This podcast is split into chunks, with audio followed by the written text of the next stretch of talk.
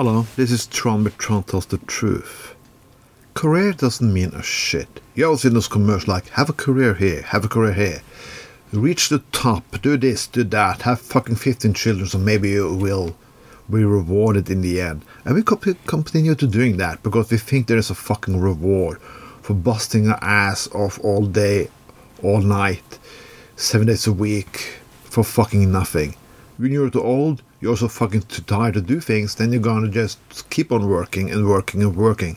Sacrifice yourself. Sacrifice yourself for the dream of the country. What a fucking waste of bullshit. I, my job is only one thing. It's a fucking income. I don't give a fuck about career but, uh, on this job because it only means do more work. Less time with my wife, less time with my friends. So I don't fucking need it. Not long ago, a colleague mine asked me, Tron, do you want to apply for that uh, chief position on the object you're working on? Does it mean extra money? No.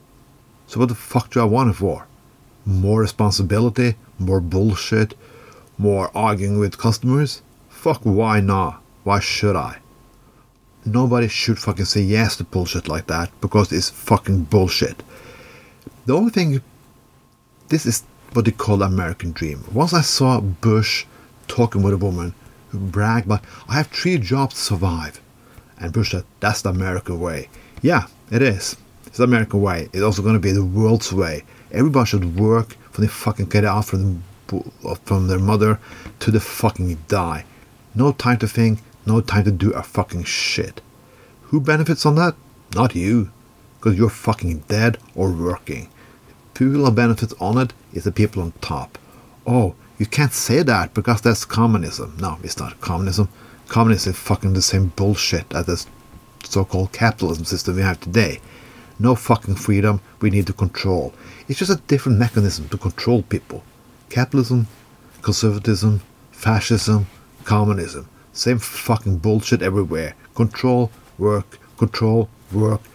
Think about what you say, what you fucking do, when you jerk off, who you fuck. They want to own it all. I said people don't give a fuck about it. I think technology should serve us. They should serve us so we can work less. Yes, work less. Do more fucking things for ourselves. They should fucking tax technology. They should tax robots. They should make life more profitable and better for us. When I say better for us, I don't mean more things to consume. The things I value the most in my entire life is all my books, all my DVDs, and everything. It's time. When I have time to do something. A few years ago, I managed to meet my sister and my two, bro- two brothers. We were on a concert in Oslo. We all had time to do this. Not very often we have, because they all all have jobs. My one brother is an engineer, another brother is a farmer, and my sister is a nurse, and I'm a security guard. So it takes time. So you have to schedule everything. Yeah, that's fucking maybe normal, but nah, it's bullshit. Did you need that middle middle-aged farmers worked less than us? You know why they did? Because the church found out if they worked less, they were more fucking happy, and they had more time and not being angry. We have in the society is totally fucking angry, stressed out, brain dead, working too much, drinking too much pills, drinking too much booze, have to smoke away our dreams just because we have to work, apply, work, about, obey, work, obey, work, obey, then be retired and then fucking die. It's all fucking bullshit. It's a big, big fucking scheme and you can't say anything against it because then you're hardcore and you're fucking radical. No, what is radical is that we let a fucking little bullshit elite run the game and we just follow, obey, work, obey, work, or fucking obey. Well, stop doing that.